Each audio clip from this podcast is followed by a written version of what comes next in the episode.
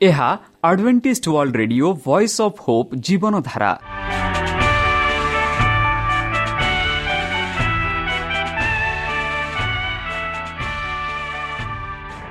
Odia radio କାର୍ଯ୍ୟକ୍ରମ ଯାହା ଆମର ଆନ୍ତର୍ଜାତୀୟ ଆଘାତ କେନ୍ଦ୍ରରୁ ପ୍ରସାରଣ କରାଯାଉଛି ପ୍ରତିଦିନ ରାତି ନଅଟା ତିରିଶ ମିନିଟ୍ରେ।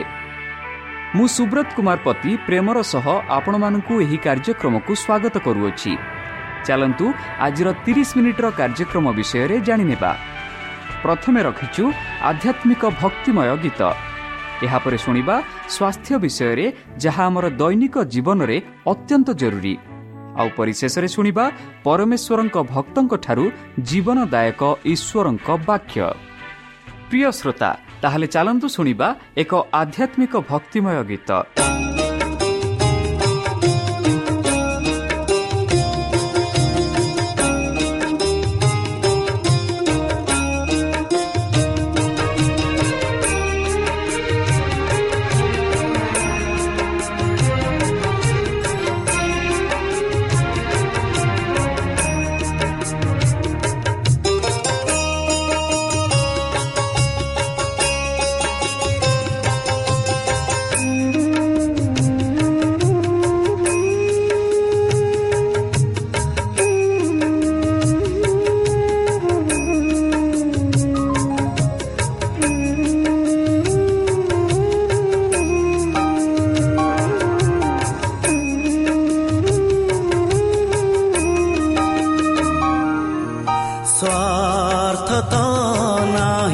चाहिँ पाई प्रभु कोरोडा प्रहार सहिल। स्वार्थ त नाही कहीँ पाई प्रभु कोरोडा प्रहार सहिल।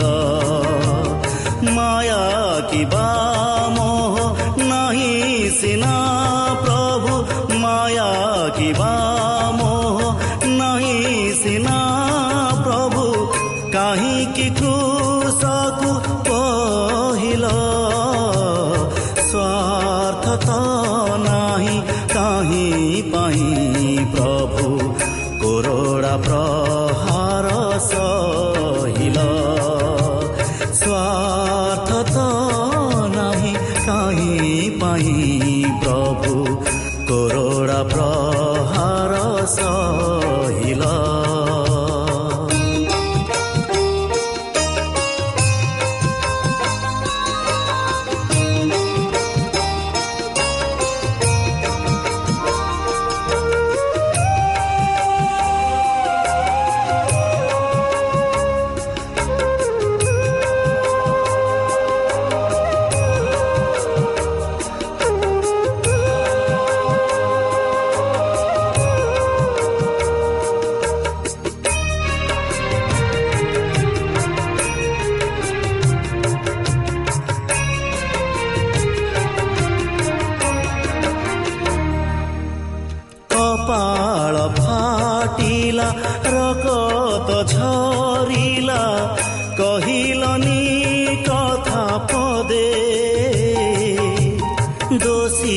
দশা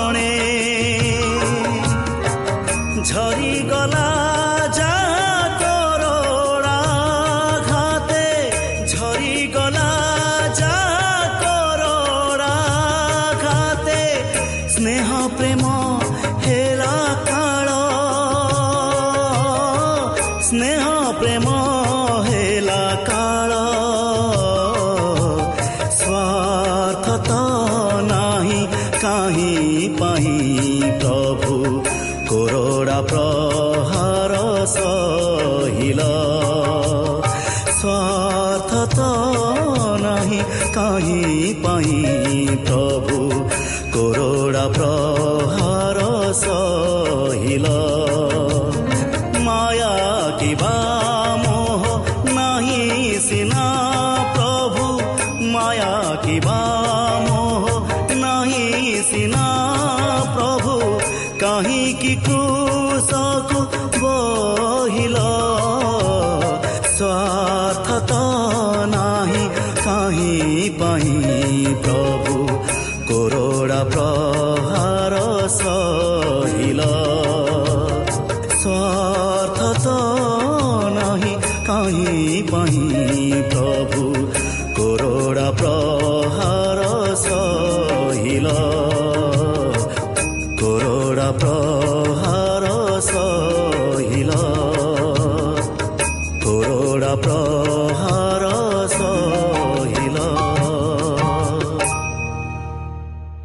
শ্রোতা আমি আশা করুছু যে আমার কার্যক্রম আপনার পসন্দ লাগুব আপনার মতামত পাই আমার এই ঠিকার যোগাযোগ করতু আমার ঠিকনা advantage media centre SDA mission compound সাি park Pune চারি এক এক শূন্য তিন সাত মহারাষ্ট্র বা খোলন্তু আমার ওয়েবসাইট যেকোন android phone smartphone desktop laptop কিংবা ট্যাবলেট ଆମର website W W W dot A W R dot O R G slash O R I ଏବଂ W W W dot Adventist Media Centre India dot O R G ବର୍ତ୍ତମାନ ଚାଲନ୍ତୁ ଶୁଣିବା ଈଶ୍ୱରଙ୍କ ଭକ୍ତଙ୍କଠାରୁ ଈଶ୍ୱରଙ୍କ ଜୀବନଦାୟକ ବାକ୍ୟ ମୋ ଦୁନିଆର ଆଲୋକ ନମସ୍କାର ପ୍ରିୟ ଶ୍ରୋତା ସେହି ସର୍ବଶକ୍ତି ସର୍ବଜ୍ଞାନୀ ପ୍ରେମର ସାଗର ଦୟାମୟ ଅନ୍ତର୍ଜମୀ ଅନୁଗ୍ରହ ପରମା ପିତାଙ୍କ ମଧୁର ନାମରେ ମୁଁ ପାଷ୍ଟର ପୂର୍ଣ୍ଣଚନ୍ଦ୍ର ଆଉ ଥରେ ଆପଣମାନଙ୍କୁ ଏହି କାର୍ଯ୍ୟକ୍ରମରେ ସ୍ୱାଗତ କରୁଅଛି। ପ୍ରିୟ ଶ୍ରୋତା ସେହି ସର୍ବଶକ୍ତି ପରମେଶ୍ୱର ଆପଣମାନଙ୍କୁ ଆଶୀର୍ବାଦ କରନ୍ତୁ। ଆପଣଙ୍କୁ ସମସ୍ତ ପ୍ରକାର ଦୁଃଖ କଷ୍ଟ ବାଧା କ୍ଲେଶ ଦୂରେଇ ରଖୁ। ବିଶେଷ ଭାବରେ ବର୍ତ୍ତମାନ ଯେଉଁ କରୁଣା ମହାମାରୀ ସାରା ପୃଥିବୀକୁ ଆପଣା ପ୍ରଭାବ ଦେଖାଉଅଛି ସେହି ପ୍ରଭାବରୁ ସେହି ପରମେଶ୍ୱର ଆପଣମାନଙ୍କୁ ସୁରକ୍ଷାରେ ରଖନ୍ତୁ। ତାହାଙ୍କ ପ୍ରେମ ତାହାଙ୍କ ସ୍ନେହ ତାହାଙ୍କ କୃପା ତାହାଙ୍କ ଅନୁଗ୍ରହ ସଦାସର୍ବଦା ଆପଣଙ୍କଠାରେ ସହବର୍ତ୍ତୀ ରହୁ। ପ୍ରିୟଜତା ଚାଲନ୍ତୁ ଆଜି ଆମ୍ଭେମାନେ କିଛି ସମୟ ପବିତ୍ର ଶାସ୍ତ୍ର ବାଇବଲଠୁ ତାହାଙ୍କ ଜୀବନଦାୟକ ବାକ୍ୟ ଧ୍ୟାନ କରିବା। ଆଜିର ଆଲୋଚନା ହେଉଛି ମୁଁ ଦୁନିଆର ଆଲୋକ। ବନ୍ଧୁ ଆଲୋକ। ଯୀଶୁ ଖ୍ରୀଷ୍ଟ କହିଲେ ମୁକ୍ତିର ଆଲୋକ। ଯୀଶୁ ଖ୍ରୀଷ୍ଟ ବର୍ତ୍ତମାନ କହୁଛନ୍ତି ମୁଁ ଦୁନିଆର ଆଲୋକ।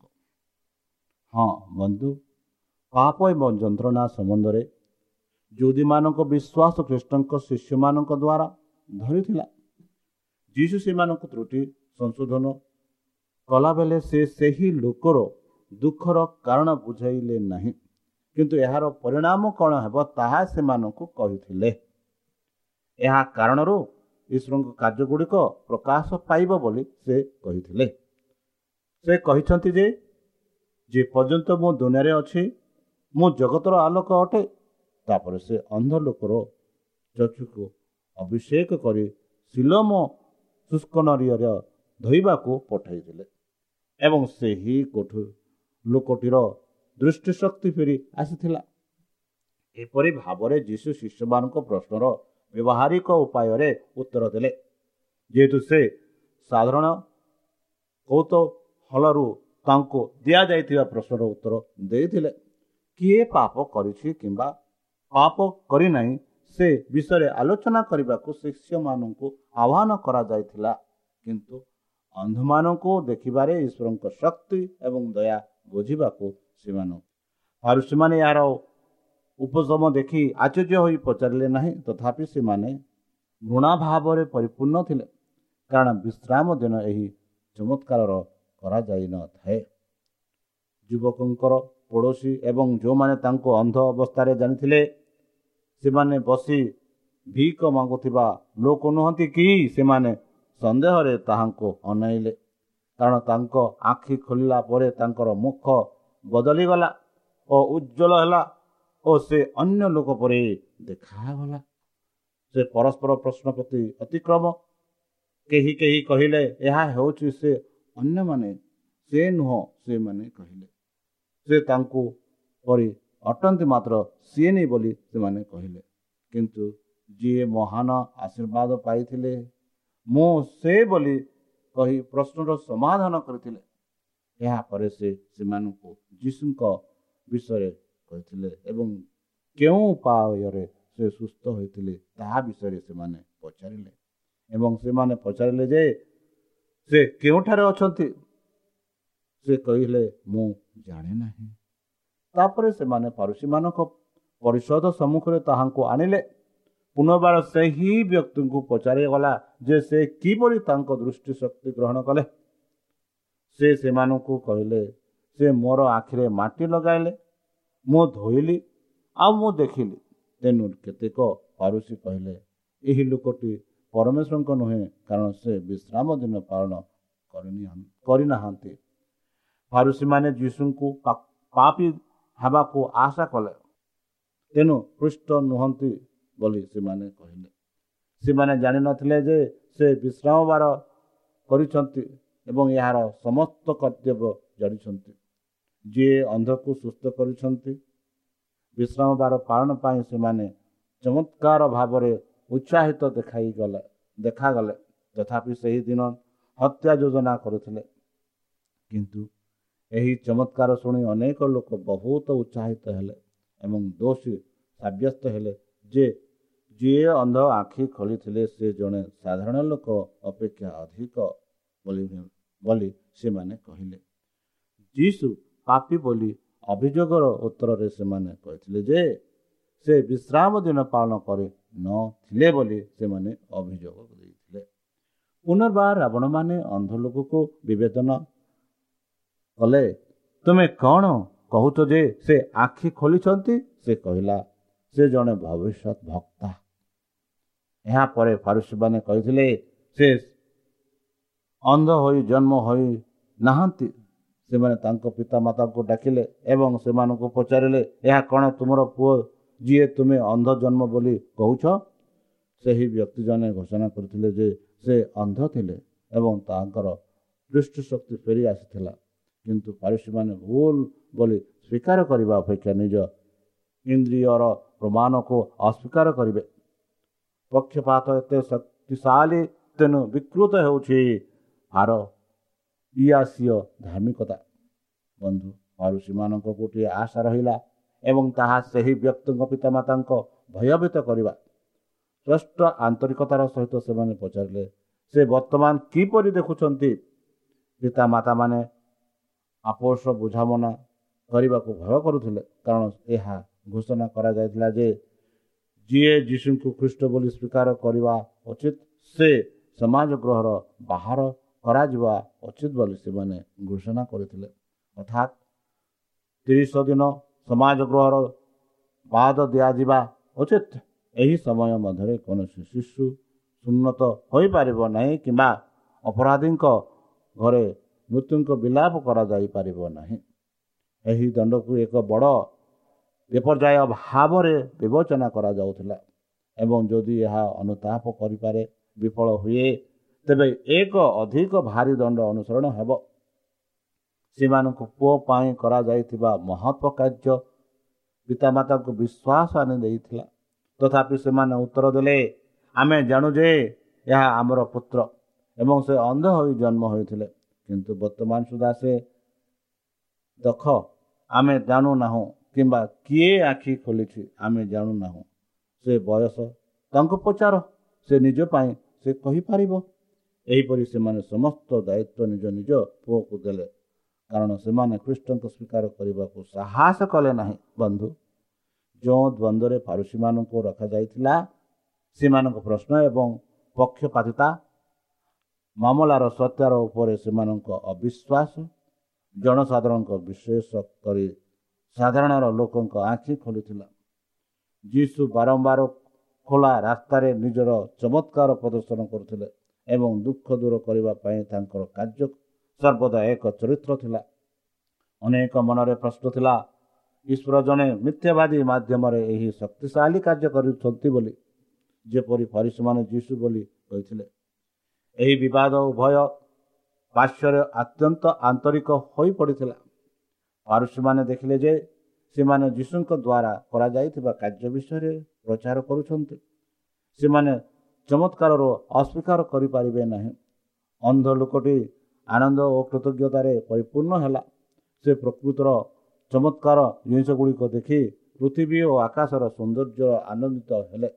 ସେ ତାଙ୍କ ଅଭିଜ୍ଞତାକୁ ମୁକ୍ତ ଭାବରେ ଜଣାଇଲେ ଏବଂ ପୁନର୍ବାର ସେମାନଙ୍କ ତାଙ୍କୁ ଚୁପ୍ କରିବାକୁ ଚେଷ୍ଟା କଲେ। ଈଶ୍ୱରଙ୍କୁ ପ୍ରଶଂସା ଦିଅ। ଆମେ ଜାଣୁ ଯେ ଏହି ବ୍ୟକ୍ତି ଜଣେ ପାପୀ। ତାହା ହେଉଛି ପୁନର୍ବାର କୁହ ନାହିଁ ଯେ ଏହି ବ୍ୟକ୍ତି ତୁମର ଦର୍ଶନ ଦେଇଛନ୍ତି। ପରମେଶ୍ୱର ହିଁ ଏହା କରିଛନ୍ତି। ଅନ୍ଧଜନକ ଉତ୍ତର ଦେଲା ସେ ପାପୀ ହୁଅନ୍ତୁ ନା ନା ମୁଁ ଜାଣେ ନାହିଁ। ଗୋଟିଏ କଥା ମୁଁ ଜାଣେ। ଯେତେବେଳେ ମୁଁ ଅନ୍ଧ ଥିଲି ବର୍ତ୍ତମାନ ମୁଁ ଦେଖୁଛି ତାପରେ ସେମାନେ ପୁନର୍ବାର ପଚାରିଲେ ସେ ତୁମକୁ କ'ଣ କଲା? ସେ ତୁମର ଆଖି କିପରି ଖୋଲିଲା ଅନେକ ଶବ୍ଦ ବା ଅନେକ ବାକ୍ୟ ସହିତ ସେମାନେ ତାଙ୍କୁ ବିଭ୍ରାନ୍ତ କରିବାକୁ ଚେଷ୍ଟା କଲେ। ମହାଫଳରେ ସେ ନିଜକୁ ଭ୍ରାନ୍ତ ଭାବି ପାରନ୍ତି। ଶୟତାନ ଏକ ତାଙ୍କର ମନ୍ଦ ଦୂତମାନେ ପାରୁସୀମାନଙ୍କ ପକ୍ଷରେ ଥିଲେ ଏବଂ କୃଷ୍ଣଙ୍କ ପ୍ରଭାବକୁ ପ୍ରତିହତ କରିବା ପାଇଁ ମନୁଷ୍ୟର ମୁକ୍ତି ସହିତ ସେମାନଙ୍କ ଶକ୍ତି ଏବଂ କୃଷ୍ଣତାକୁ ଏକତ୍ର କଲେ। ଅନେକ ମନରେ ଗଭୀରତା ଥିବା ବିଶ୍ୱାସକୁ ସେମାନେ ଖଣ୍ଡନ କଲେ। ଈଶ୍ୱରଙ୍କ ଦୂତମାନେ ମଧ୍ୟ ସେହି ବ୍ୟକ୍ତିଙ୍କୁ ଶକ୍ତିଶାଳୀ କରିବା ପାଇଁ ଭୂମିରେ ଥିଲେ ଯାହା ଦୃଷ୍ଟିଶକ୍ତି ପୁନର୍ସ୍ଥାପିତ ହୋଇଥିଲା। ବନ୍ଧୁ ଆଉ ସେମାନେ ବୁଝିପାରିଲେ ନାହିଁ ଯେ ସେମାନଙ୍କ ଅନ୍ଧ ଜନ୍ମ ହୋଇଥିବା ଅଶିକ୍ଷିତ ବ୍ୟକ୍ତିଙ୍କ ବ୍ୟତୀତ ଅନ୍ୟ କାହା ସହିତ ସାମନା କରିବାକୁ ପଡ଼ିବ। ସେମାନେ ତାହାକୁ ଜାଣିନଥିଲେ ଯାହାଙ୍କ ସହ ସେମାନେ ବିବାଦ କରୁଥିଲେ। ଅନ୍ଧ ଲୋକର ପ୍ରାଣର କୋଠରୀରେ ଈଶ୍ୱରୀୟ ଆଲୋକ ଉଜ୍ଜଳ ହେଲା। ଯେହେତୁ ଏହି କପଟିମାନେ ତାଙ୍କୁ ଅବିଶ୍ୱାସ କରିବାକୁ ଚେଷ୍ଟା କଲେ ଈଶ୍ୱର ତାଙ୍କୁ ତାଙ୍କ ଉତ୍ତରରେ ଦୃଢ଼ତା ଏବଂ ନିର୍ଦ୍ଦେଶତା ଦ୍ୱାରା ଦେଖାଇବାକୁ ସାହାଯ୍ୟ କଲେ ଯେ ସେ ଫାନ୍ଦରେ ପଡ଼ିବେ ନାହିଁ। ସେ ଉତ୍ତର ଦେଲେ ମୁଁ ତୁମକୁ କହିସାରିଛି କିନ୍ତୁ ତୁମେ ଶୁଣିନାହଁ। ତୁମେମାନେ କାହିଁକି ତାହା ଶୁଣିବ? ତୁମମାନେ ତାହାଙ୍କ ଶିଷ୍ୟ ହେବ ତାପରେ ସେମାନେ ତାଙ୍କୁ ଅପମାନିତ କଲେ ଓ କହିଲେ ତୁମେ ତାହାଙ୍କ ଶିଷ୍ୟ କିନ୍ତୁ ଆମ୍ଭେମାନେ ମଶାଙ୍କ ଶିଷ୍ୟ। ଆମେ ଜାଣୁ ଯେ ମଶା ଈଶ୍ୱର ଈଶ୍ୱର ମଶାଙ୍କ ସହିତ କଥାବାର୍ତ୍ତା ହୋଇଥିଲେ। ପ୍ରଭୁ ଯୀଶୁ ସେହି ଯନ୍ତ୍ରଣା ବିଷୟରେ ଜାଣିଥିଲେ ଏବଂ ସେ ତାଙ୍କୁ ଅନୁଗ୍ରହ ଓ ଉଚ୍ଚାରଣ ଦେଇଥିଲେ ଯାହାଫଳରେ ସେ କୃଷ୍ଣଙ୍କ ସାକ୍ଷୀ ହେଲେ। ସେ ଫାରୁସୀମାନଙ୍କୁ ବାକ୍ୟରେ ଉତ୍ତର ଦେଲେ ଯାହା ତାଙ୍କ ପ୍ରଶ୍ନକର୍ତ୍ତାଙ୍କୁ କଟୁ ସମାଲୋଚନା କରିଥିଲା। ସେମାନେ ଶାସ୍ତ୍ରର ପ୍ରକାଶକ ଜାତିର ଧାର୍ମିକ ମାର୍ଗଦର୍ଶନ ବୋଲି ଦାବି କରୁଥିଲେ ଏବଂ ତଥାପି ଏଠାରେ ଜଣେ ଚମତ୍କାର ପ୍ରଦର୍ଶନ କରିଥିଲେ ଏବଂ ସେମାନେ ତାଙ୍କ ଶକ୍ତିର ଉତ୍ସ ଏବଂ ତାଙ୍କ ଚରିତ୍ର ଏବଂ ଦାବି ବିଷୟରେ ଅଜ୍ଞ ଥିଲେ। ବନ୍ଧୁ ଲୋକଟି କହିଲା ଏଠାରେ କାହିଁକି ଏକ ଆଶ୍ଚର୍ଯ୍ୟଜନକ ଜିନିଷ ଅଛି? ସେ ଜାଣିନାହାନ୍ତି ଯେ ସେ କେଉଁଠାରୁ ଆସୁଛନ୍ତି। ତଥାପି ସେ ମୋର ଆଖି ଖୋଲିଛନ୍ତି। ବର୍ତ୍ତମାନ ଆମେ ଜାଣୁ ଯେ ପାପି ପାପ କରନ୍ତି ନାହିଁ। କିନ୍ତୁ ଯଦି କୌଣସି ଲୋକ ଈଶ୍ୱରଙ୍କୁ ଉପାସକ ସେ ନିଜ ଇଚ୍ଛା ପାଳନ କରନ୍ତି ଯାହା ସେ ଶୁଣନ୍ତି। ଜଗତ ଆରମ୍ଭରୁ ଶୁଣିବାକୁ ମିଳିଲା ନାହିଁ ଯେ ଅନ୍ଧ ଜନ୍ମ ହୋଇଥିବା ବ୍ୟକ୍ତିଙ୍କ ଆଖି ଖୋଲୁଛି। ଯଦି ଏହି ବ୍ୟକ୍ତିଙ୍କ ଈଶ୍ୱରଙ୍କ ନୁହନ୍ତି ତେବେ ସେ କିଛି କରିପାରିବେ ନାହିଁ। ବନ୍ଧୁ ବ୍ୟକ୍ତି ଜଣକ ନିଜ ନିଜ ଭୂମିରେ ତାଙ୍କ ଅନୁସନ୍ଧାନକାରୀଙ୍କ ଭେଟିଥିଲେ। ତାଙ୍କର ମୁକ୍ତି ଉତ୍ତରହୀନ ଥିଲା। ଫାରୁସୀମାନେ ଆଶ୍ଚର୍ଯ୍ୟ ହୋଇଗଲେ ଏବଂ ସେମାନେ ସେମାନଙ୍କର ଶାନ୍ତି ସ୍ଥିର କଲେ। କିଛି କ୍ଷଣ ପାଇଁ ନିରବତା ରହିଲା। ତାପରେ ଭ୍ରାନ୍ତ ପୁରୋହିତ ଏବଂ ରାବଣମାନେ ସେମାନଙ୍କ ବସ୍ତ୍ର ପରିଧାନ କଲେ। ଯେପରି ସେମାନେ ତାଙ୍କ ସହିତ ଯୋଗାଯୋଗରୁ ଦୂଷିତ ହେବାକୁ ଭୟ କରୁଥିଲେ ସେମାନେ ସେମାନଙ୍କର ପାଦ ଧୂଳି ଓ ତାଙ୍କ ବିରୁଦ୍ଧର ଅପ୍ କଲା। ତୁମେ ତ ସମ୍ପୂର୍ଣ୍ଣ ପାପରୁ ଜନ୍ମ ହେଲ ଏବଂ ତୁମେ ଶିକ୍ଷା କରୁଛ ଆମକୁ ଏବଂ ସେମାନେ ତାଙ୍କୁ ବହିଷ୍କାର କଲେ। ବନ୍ଧୁ ଯାହା କରାଯାଇଥିଲା ତାହା ଯୀଶୁ ଶୁଣିଲେ। କିଛି ସମୟ ପରେ ତାଙ୍କୁ ପାଇ ସେ କହିଲା ତୁମେ ପରମେଶ୍ୱରଙ୍କ ପୁତ୍ରଙ୍କ ଉପରେ ବିଶ୍ୱାସ କରୁଛ କି? ପ୍ରଥମ ଥର ପାଇଁ ଅନ୍ଧ ଜନକ ତାଙ୍କ ପୁନରୁଦ୍ଧାରକାରୀଙ୍କ ମୁହଁକୁ ଚାହିଁଲା। ପରିଷଦ ପୂର୍ବରୁ ସେ ତାଙ୍କ ପିତାମାତାଙ୍କ ଅସୁବିଧାରେ ପଡ଼ିଥିବାର ଦେଖିଥିଲେ। ସେ ରାବଣର ମୁହଁକୁ ଚାହିଁ କହିଥିଲେ ବର୍ତ୍ତମାନ ତାଙ୍କ ଆଖି ଯୀଶୁଙ୍କ ସ୍ନେହପୂର୍ଣ୍ଣ ଶାନ୍ତିପୂର୍ଣ୍ଣ ମୁଖ ଉପରେ ଥିଲା। ପୂର୍ବରୁ ନିଜ ପାଇଁ ବହୁମୂଲ୍ୟରେ ସେ ତାଙ୍କୁ ଈଶ୍ୱର ଶକ୍ତିର ପ୍ରତିନିଧିତ୍ୱ ଭାବରେ ସ୍ୱୀକାର କରିଥିଲେ। ବର୍ତ୍ତମାନ ତାଙ୍କୁ ଏକ ଉଚ୍ଚ ପ୍ରକାଶ ପ୍ରଦାନ କରାଯାଇଥିଲା ବନ୍ଧୁ। ତ୍ରାଣକର୍ତ୍ତାଙ୍କ ପ୍ରଶ୍ନକୁ ତୁମେ ଈଶ୍ୱରଙ୍କ ପୁତ୍ର ଉପରେ ବିଶ୍ୱାସ କରୁଛ କି? ଅନ୍ଧଜନକ ପଚାରିଲା ହେ ପ୍ରଭୁ ମୁଁ ତାଙ୍କ ଉପରେ ବିଶ୍ୱାସ କରିବି କି? ଯୀଶୁ କହିଲେ ତୁମମାନେ ତାହାଙ୍କୁ ଦେଖିଅଛ ଏବଂ ତୁମେ ତୁମ ସହିତ କଥାବାର୍ତ୍ତା କରୁଛ। ବ୍ୟକ୍ତି ଜଣକ ପୂଜାରେ ନିଜକୁ ଉଦ୍ଧାରକାରୀଙ୍କ ପାଦ ତଳେ ପକାଇଲେ। କେବଳ ତାଙ୍କର ପ୍ରାକୃତିକ ଦୃଶ୍ୟ ପୁନଃସ୍ଥାପିତ ହୋଇଥିଲା ବରଂ ତାଙ୍କ ବୁଝାମଣାର ଆଖି ଖୋଲା ଯାଇଥିଲା। କୃଷ୍ଣ ତାଙ୍କ ଆତ୍ମାକୁ ପ୍ରକାଶିତ ହୋଇଥିଲେ ଏବଂ ସେ ତାଙ୍କୁ ଈଶ୍ୱରଙ୍କ ପ୍ରେରିତ ଭାବରେ ଗ୍ରହଣ କରିଥିଲେ। ଫାରୁସୀମାନଙ୍କ ଏକ ଦଳ ଏକତ୍ରିତ ହୋଇଥିଲେ ଏବଂ ସେମାନଙ୍କ ଦୃଶ୍ୟ ଶିକ୍ଷକଙ୍କ ମନର ଆଣିଲା ଯାହା ତାଙ୍କ ବାକ୍ୟ କାର୍ଯ୍ୟର ପ୍ରଭାବରେ ସର୍ବଦା ଦେଖାଯାଏ। ସେ କହିଥିଲେ ବିଚାର ପାଇଁ ମୁଁ ଏହି ଜଗତକୁ ଆସିଛି। ଯେଉଁମାନେ ଦେଖନ୍ତି ନାହିଁ ସେମାନେ ଦେଖିପାରନ୍ତି ନାହିଁ ଏବଂ ଯେଉଁମାନେ ଦେଖନ୍ତି ସେମାନେ ଅନ୍ଧ ହୋଇଯିବେ। ଅନ୍ଧ ଅନ୍ଧରେ ବସିଥିବା ଲୋକକୁ ଆଲୋକ ଦେବା ପାଇଁ କୃଷ୍ଣ ଅନ୍ଧ ଆଖି ଖୋଲିବାକୁ ଆସିଥିଲେ। ସେ ନିଜକୁ ଜଗତର ଆଲୋକ ବୋଲି ଘୋଷଣା କରିଥିଲେ ଏବଂ ବର୍ତ୍ତମାନ କରାଯାଉଥିବା ଚମତ୍କାରତା ତାଙ୍କ ମିଶନର ପ୍ରମାଣରେ ଥିଲା। ଯେଉଁ ଲୋକମାନେ ତ୍ରାଣକର୍ତ୍ତାଙ୍କୁ ତାଙ୍କ ଆଗମନରେ ଦେଖିଥିଲେ ସେମାନେ ଜଗତର ପୂର୍ବାପେକ୍ଷା ଈଶ୍ୱରଙ୍କ ଉପସ୍ଥିତିର ସମ୍ପୂର୍ଣ୍ଣ ରୂପେ ପ୍ରକାଶ ପାଇଲେ। ଈଶ୍ୱରଙ୍କ ଜ୍ଞାନ ଅଧିକ ସମ୍ପୂର୍ଣ୍ଣ ଭାବରେ ପ୍ରକାଶ ପାଇଲା। କିନ୍ତୁ ଏହି ପ୍ରକାଶରେ ମନୁଷ୍ୟମାନଙ୍କ ଉପରେ ବିଚାର କରିଥିଲା। ସେମାନଙ୍କ ଚରିତ୍ର ପରୀକ୍ଷା କରାଯାଇଥିଲା। ସେମାନଙ୍କ ଭାଗ୍ୟ ନିର୍ଣ୍ଣୟ ହୋଇଥିଲା। ବନ୍ଧୁ ଈଶ୍ୱରୀୟ ଶକ୍ତି ପ୍ରକାଶ ଯାହା ଅନ୍ଧକୁ ଉଭୟ ପ୍ରାକୃତିକ ଏବଂ ଆଧ୍ୟାତ୍ମିକ ଦୃଶ୍ୟ ଦେଇଥିଲା ପରୁଷମାନଙ୍କୁ ଆହୁରି ଗଭୀର ଅନ୍ଧକାରରେ ଛାଡ଼ି ଦେଇଥିଲା। ତାଙ୍କର କେତେକ ଶ୍ରୋତା ଅନୁଭବ କଲେ ଯେ ଖ୍ରୀଷ୍ଟଙ୍କ ବାକ୍ୟ ସେମାନଙ୍କ ପାଇଁ ପ୍ରୟୋଜ୍ୟ। ସେମାନେ ପଚାରିଲେ ଆମେମାନେ ମଧ୍ୟ ଅନ୍ଧ? ଯୀଶୁ ଉତ୍ତର ଦେଲେ ଯଦି ତୁମେ ଅନ୍ଧ ଥିଲେ ତେବେ ଆପଣଙ୍କ କୌଣସି ପାପ ହେବ ନାହିଁ। ଯଦି ଈଶ୍ୱର ତୁମର ପାଇଁ ସତ୍ୟ ଦେଖିବା ଅସମ୍ଭବ କରିଥାନ୍ତେ ତୁମର ଅଜ୍ଞାତ କୌଣସି ଦୋଷ ସହିତ ଜଡ଼ିତ ହେବ ନାହିଁ। କିନ୍ତୁ ବର୍ତ୍ତମାନ ତୁମେ କହୁଛ ଆମେ ଦେଖୁ। ଆପଣ ବିଶ୍ୱାସ କରନ୍ତି ଯେ ଆପଣ ନିଜେ ଦେଖିବାକୁ ସକ୍ଷମ ଅଟନ୍ତି ଏବଂ ସେହି ଉପାୟକୁ ପ୍ରତ୍ୟାଖ୍ୟାନ କରନ୍ତି ଯାହା ମାଧ୍ୟମରେ ଆପଣ ଏକାକି ଦେଖିପାରିବେ। ଯେଉଁମାନେ ସେମାନଙ୍କ ଆବଶ୍ୟକତା ବୁଝିଥିଲେ ବନ୍ଧୁ ପୃଷ୍ଠ ଅସୀମ ସାହାଯ୍ୟରେ ଆସିଥିଲେ କିନ୍ତୁ ପରିସୀମାନେ କୌଣସି ଆବଶ୍ୟକତା ସ୍ୱୀକାର କରିବେ ନାହିଁ। ସେମାନେ କୃଷ୍ଣଙ୍କ ନିକଟକୁ ଆସିବାକୁ ମନା କଲେ ଏବଂ ଏଥିପାଇଁ ସେମାନେ ଯାହା ଅନ୍ଧତା ଯାହା ପାଇଁ ସେମାନେ ନିଜେ ଆମେ ସେହିପରି ଅନ୍ଧ ଅଛୁ ଯୀଶୁଖ୍ରୀଷ୍ଟ ଏହି ପୃଥିବୀକୁ ଆସିଲେ ଯେପରି ସେହି ଅନ୍ଧତାରୁ ଆମେ ମୁକ୍ତ ହୋଇପାରିବୁ ତାହେଲେ କେବେ ଆମେ ମୁକ୍ତ ହୋଇପାରିବା ଯେବେ ଆମେ ନିଜକୁ ସେହି ଯୀଶୁଖ୍ରୀଷ୍ଟଙ୍କ ହସ୍ତରେ ସମର୍ପଣ କରିବା ତେବେ ହିଁ ଆମେ ସେହି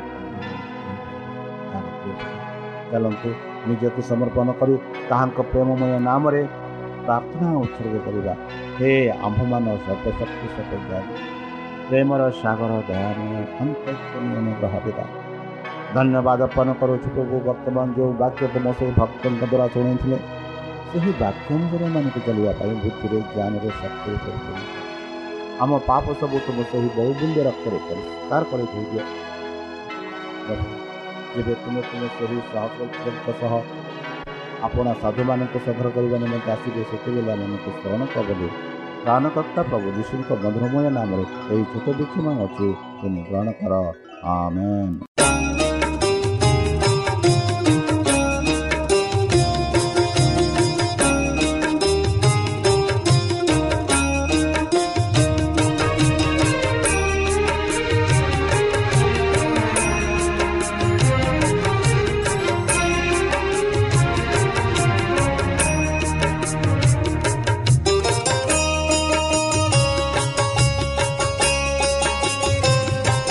শ্ରୋତା ଆମେ ଆଶା କରୁଛୁ ଯେ ଆମର କାର୍ଯ୍ୟକ୍ରମ ଆପଣମାନଙ୍କୁ ପସନ୍ଦ ଲାଗୁଥିବ। ଆପଣଙ୍କର ମତାମତ ଜଣାଇବା ପାଇଁ ଆମର ଏହି ଠିକଣାରେ ଯୋଗାଯୋଗ କରନ୍ତୁ।